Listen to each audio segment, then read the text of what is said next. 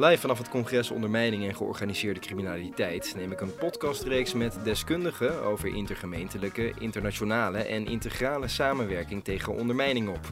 Mijn naam is Danny Vos en ik spreek in deze podcast met plaatsvervangend hoofdofficier van Justitie Henk van der Meijden over een georganiseerde aanpak tegen de misdaad. Allereerst, waarom is zijn werk in Limburg zo belangrijk?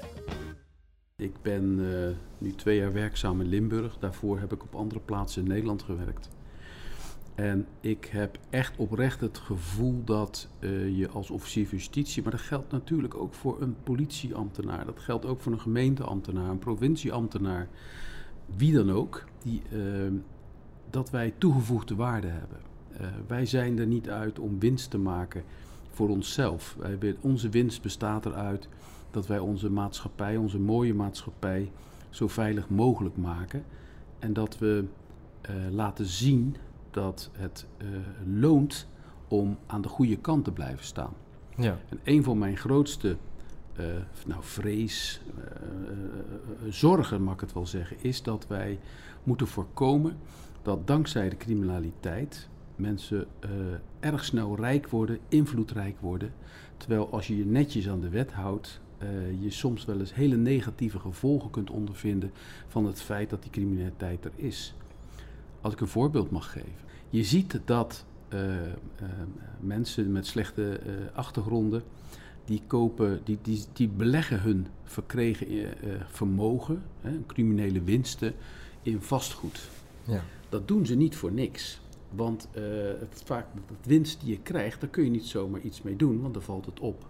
Hè, dan, dan verberg je dat je het verdiend hebt met iets wat niet goed is. -huh. Mhm. Verdovende middelenhandel bijvoorbeeld. Wat je dan ziet is dat uh, panden worden opgekocht, woningen worden opgekocht met dat doel. Dus uh, allereerst gebeurt het dat er een uh, vaak boven de vraagprijs wordt geboden.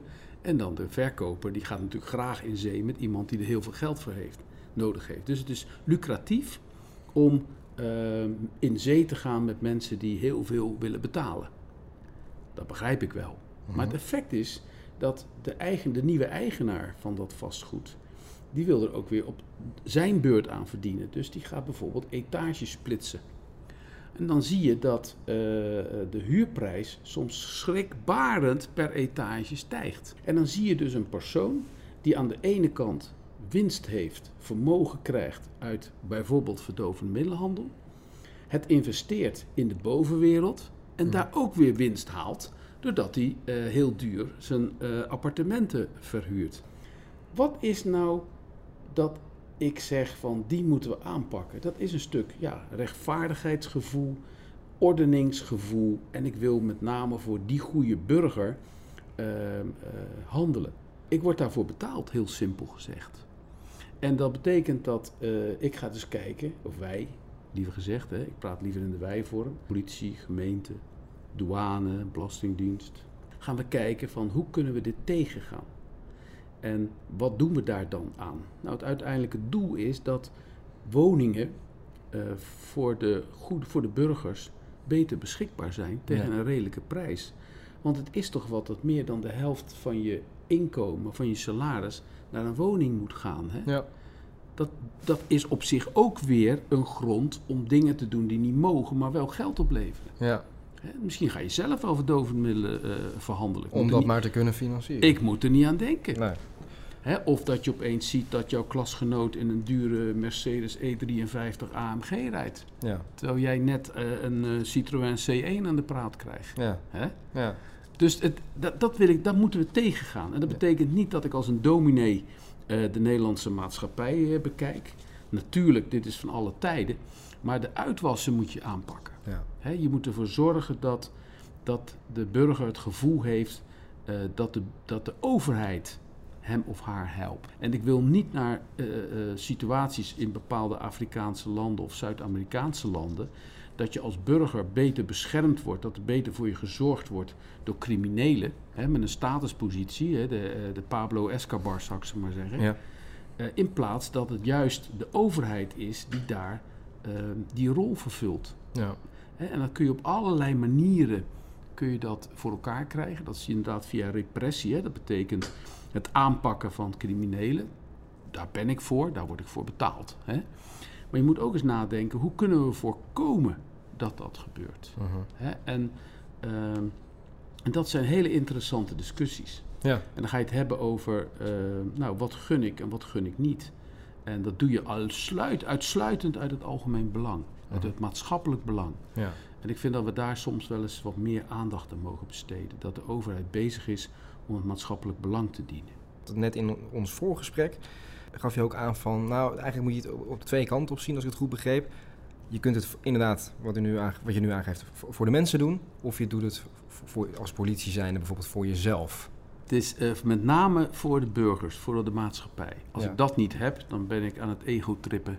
Dan ben ik bezig met een hobby. Maar, Dus- ge- maar gebeurt dat, voor je gevoel? Dat zou wel eens kunnen gebeuren. ehm, maar, ik hou het even maar bij mezelf. Ja. Ik probeer dat te vermijden. Hè? Ja. Je zult mij niet zo vaak op televisie en zo zien. Dat, dat, eh, niet dat ik, er geen, dat ik daar eh, bang voor ben, maar ik, ik geef mijn energie aan het, het kunnen, kunnen bereiken van bepaalde doelen. Ja. En dan geniet ik in stilte. Hè? Dus als je het hebt over doe je het voor jezelf. Ik ben heel eerlijk, dan zeg ik ja, Mhm. ik kan genieten van de successen die je dan hebt. Ja, tuurlijk. Hè, Dus, maar dat, dat hoeft niet eens een, een langdurige gevangenisstraf te zijn. Maar het kan ook zijn dat je iets verhinderd hebt. Hè, waarvan je aan zag komen dat dat fout ging. Of dat je constateert dat de regelgeving zo is dat er iets wat volgens mij goed is, niet gebeurt. Omdat Mhm. mensen aan, de overheid wil zichzelf aan de regels houden. Terwijl je breder moet kijken en zeggen van joh, is het niet interessant om dat toch te doen? En dan ga je zorgen dat er een, een wettelijke uitzondering is en dat je het dan alsnog doet. Mag ik een voorbeeld geven? In beslag genomen is door justitie, politie en justitie een, een boot. En die boot is gebruikt voor verdovende middelenhandel. En dan kun je iets in beslag nemen als daarmee het strafbare feit is gepleegd. Ik wil nou niet te juridisch worden, maar je hebt een mogelijkheid om zo'n boot in beslag te nemen. Mhm. Of een auto, als daar verdovende middelen in gereden Ja. mee gereden is. Die boot die lag bij domeinen. En wat gebeurt er in de regel? Die boot wordt dan door domeinen verkocht en de opbrengst gaat naar de overheid.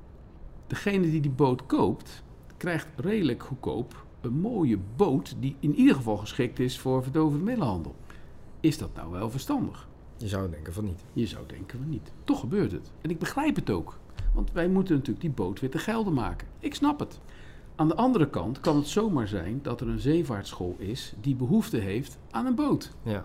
Nou, als je die twee nou bij elkaar brengt, dan is de oplossing, weet je wat we gaan doen? Die boot krijgt de crimineel toch, toch niet terug, maar die boot die gaan we hergebruiken. Die geven we aan de zeevaartschool, zodat de, de, de leerlingen, de maatschappij om het maar breder te zeggen, daar nut van heeft. Nut heeft van het feit dat wij als overheid hebben ingegrepen. Ja. Nou, zo gezegd, zo gedaan. Het heeft wel wat kruim gekost, want we gingen buiten de, de lijntjes schummen. Het is wel gebeurd. En dan, hè, dan kom je op jezelf uit, dan ben ik heel tevreden. En ik heb dat niet gedaan, niet, niet gedaan, want er zijn collega's die dat gedaan hebben. Ja. Eh, maar ik heb het mogen begeleiden. Ik, ben- ik, ik noem het maar, ik ben een sponsor. Ja, hè? Ik heb het mogen sponsoren, Ja. sp- sponsoren. Ehm, en dan ben ik heel gelukkig. En ik word dan gelukkig van één feit. En tegelijkertijd denk ik dan, ik zit nu in Limburg, dit voorbeeld speelde in Rotterdam, heeft ook in de kranten gestaan. Ik wil dit ook in Limburg doen. Ja. Ik wil de Limburgse burger laten zien dat het, eh, dat, dat het voordeel heeft als wij de criminaliteit bestrijden op een bepaalde manier. En of dat nou een pand is, waar je, waar je hulpverlening in kan huisvesten, of dat je eh, woonruimte creëert voor mensen die eh, begeleid moeten wonen, en dat je dan het pand weggeeft in plaats dat je het pand weer teruggeeft op de markt. Hè? En dat je als overheid daar wat breder naar, naar kijkt. Ja. Ja, daar word ik blij van. En dan hoop ik ook dat de burgers, onze burgers, ook dat zien hè, en het waarderen. En, en als er een krantenartikel is dat er een grote crimineel eh, zoveel jaar gevangenisstraf heeft gekregen, ik denk dat het 10 minuten blijft hangen. Ja? Je leest het, bij wijze van spreken. Ja. Je leest het en je vindt het normaal dat als je straf hebt gekregen, dat je die straf, eh, dat je die straf verdient. Hè? Eh, het is natuurlijk veel leuker om te zeggen, we hebben niet alleen een straf uitgedeeld, maar we hebben wat we gedaan hebben omgebouwd naar iets wat nuttig is voor onze maatschappij. En dan kom ik terug op samenwerken. Dat kunnen politie en openbaar ministerie nooit alleen. Ik kan de wereld niet veranderen. Nee. Politie kan de wereld niet veranderen. Maar bij elkaar, met goede bedoelingen en, en, en passie, met name passie. En doorgaan als je denkt van het lukt toch niet, maar misschien zit er een klein lichtpuntje in. Hè, als je dat voor elkaar krijgt, dan ben ik een heel gelukkig mens. En dan hoop ik ook dat onze maatschappij gelukkig is. Um, die, over die onder, ondermijnde criminaliteit. Waarom is het nou zo broodnodig om, om dat te bestrijden? Waar, en wat, wat versta je onder ondermijnde criminaliteit? En waarom is het ook zo moeilijk om dat te bestrijden? Ik vind twee bepalende kenmerken bij ondermijnende criminaliteit. Het blijft natuurlijk criminaliteit. En dat is net als elke vorm van criminaliteit moet je dat aanpakken. Mhm. Laat ik daarover mee beginnen. Ja. Het is niet zo bijzonder dat wij ondermijnende criminaliteit aanpakken. Dat mag je van ons verwachten.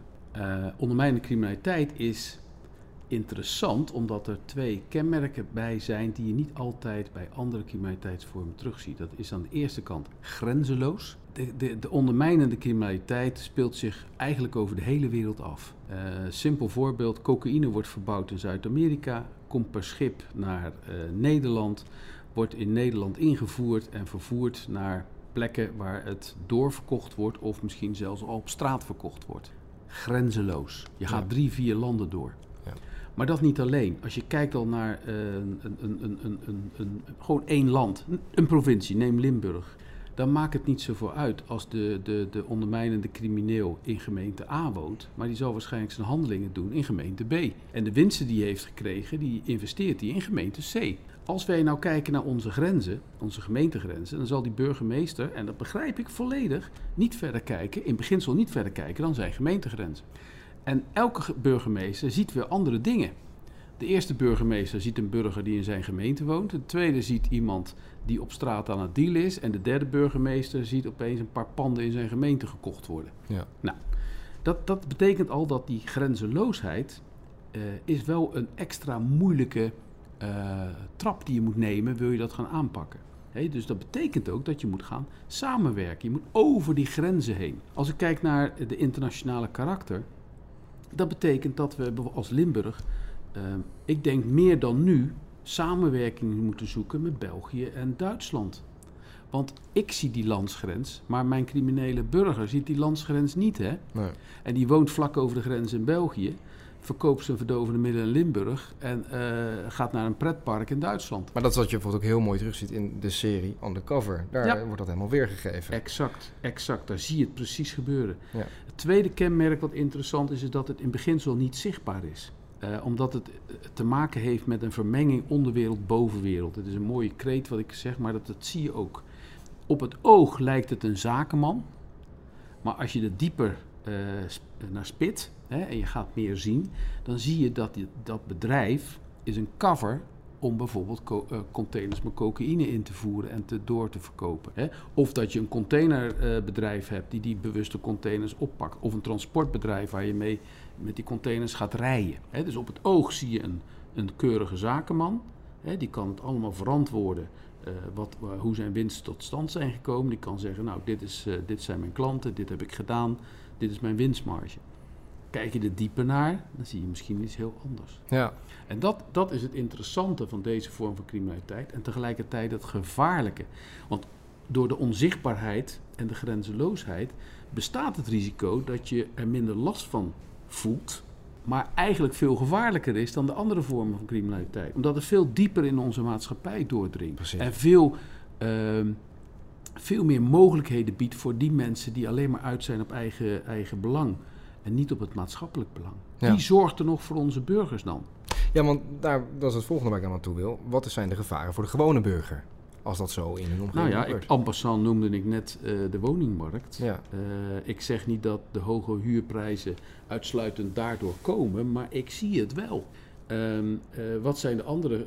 nou ja, je wil iets, je wil iets maar je kunt het alleen maar, of, of omdat je heel veel geld mee moet nemen om een ander te overtreffen die dat geld op een oneerlijke manier verdiend heeft. Of dat je juist er helemaal nooit meer tussenkomt. Um, ik, wil, ik, wil het absoluut niet dramatiseren, maar een vakantiehuisje kopen uh, is toch wel een lastig iets hoor. Ja. Uh, want die vakantiehuisjes die worden snel doorverkocht uh, of opgekocht. En als gewone burger met een normaal inkomen, ja, is dat wel lastig. dus je gaat zien dat. En het, het kijk, ondermijnende criminaliteit heeft het inzicht daarom ook dat het ook winstgevend is voor heel veel mensen die, ook de, die dan denken, nou, het is een slachtofferloos delict. Hè, want als er slachtoffers bij zijn, dan zie je dat heel veel mensen toch het gevoel hebben, ja, dit kan toch eigenlijk niet. Hè? Maar als er geen slachtoffers zijn en je alleen maar geld kan verdienen en je moet wat met stoffen gaan schuiven, of je moet wat stoffen maken, ecstasy-pillen, ja, dan kun je ook als burger, als gewone burger, wat makkelijker de andere kant op kijken. En denk je, Ja. nou ja, eh, ja, waarom zou ik me druk om maken? Ja. Want ja, ik, ik zie geen slachtoffers. En ja, het is gewoon een slimme jongen die een, een, een, een, een maas in de wet hebben eh, gevonden. En ik vind ook dat wij als, als maatschappij, als politiek, dit soort problemen veel te veel juridificeren. Het lijkt er soms wel eens op als een verdovend middel of iets of een handeling niet strafbaar is, dan zou het wel mogen. Nee, het gaat om hele andere dingen Ja. over zuiverheid. eh, is, een prachtig woord vind ik dat altijd. Proberen onze maatschappij zo zuiver mogelijk te houden. Maar het gaat er ook om dat je, dat je ehm, wat wil ik zeggen, dat je ervoor zorgt dat iedereen zich veilig voelt. Hè? Dat is Maar- een lastig begrip. Maar de, de, de, de burgers merken het misschien pas, of die kijken pas die kant op inderdaad, op het moment dat er slachtoffers vallen. En dat, dat- dan denk je van, oh, het gaat nu misschien toch wel heel erg ver. Vind je dat, ze, dat, dat burgers op een bepaalde manier eh, bewust worden, moeten worden gemaakt van, van ondermijnende criminaliteit? Of misschien zelfs in actie moeten komen daartegen? Op wat voor manier? Geen idee, maar Ik zou willen vermijden dat de aanpak van ondermijnende criminaliteit een feestje is en blijft van de overheid. Eh, dan, dan weet ik zeker dat wij eh, de, de druppels op de hete plaat zijn. Aan de ene kant eh, is het verstandig om de burgers te laten zien wat er zich voordoet. En dan wil ik geen indianenverhalen en opgeklopte successen zien, maar gewoon de risico's voor de gewone burger beschrijft. ja. Los van eh, namen te noemen en zo en plaatsen. Maar gewoon zeggen, joh, dit is er nu aan de, aan de hand. Ehm, het tweede is van, ik wil graag die burger erbij betrekken. Wat ik een mooi, eh, mooi iets vind, is meld misdaad anoniem. Als je iets ziet wat verdacht is, eh, eh, je hoeft niet naar het politiebureau te komen wat mij betreft. Ja, liever wel, maar meld het. Ja. Ieder mens heeft een telefoon tegenwoordig met een camera erop. Als je iets ziet, maak daar een filmpje van. En dan eh, zou je bijvoorbeeld een account kunnen maken waarin je dat filmpje naartoe stuurt.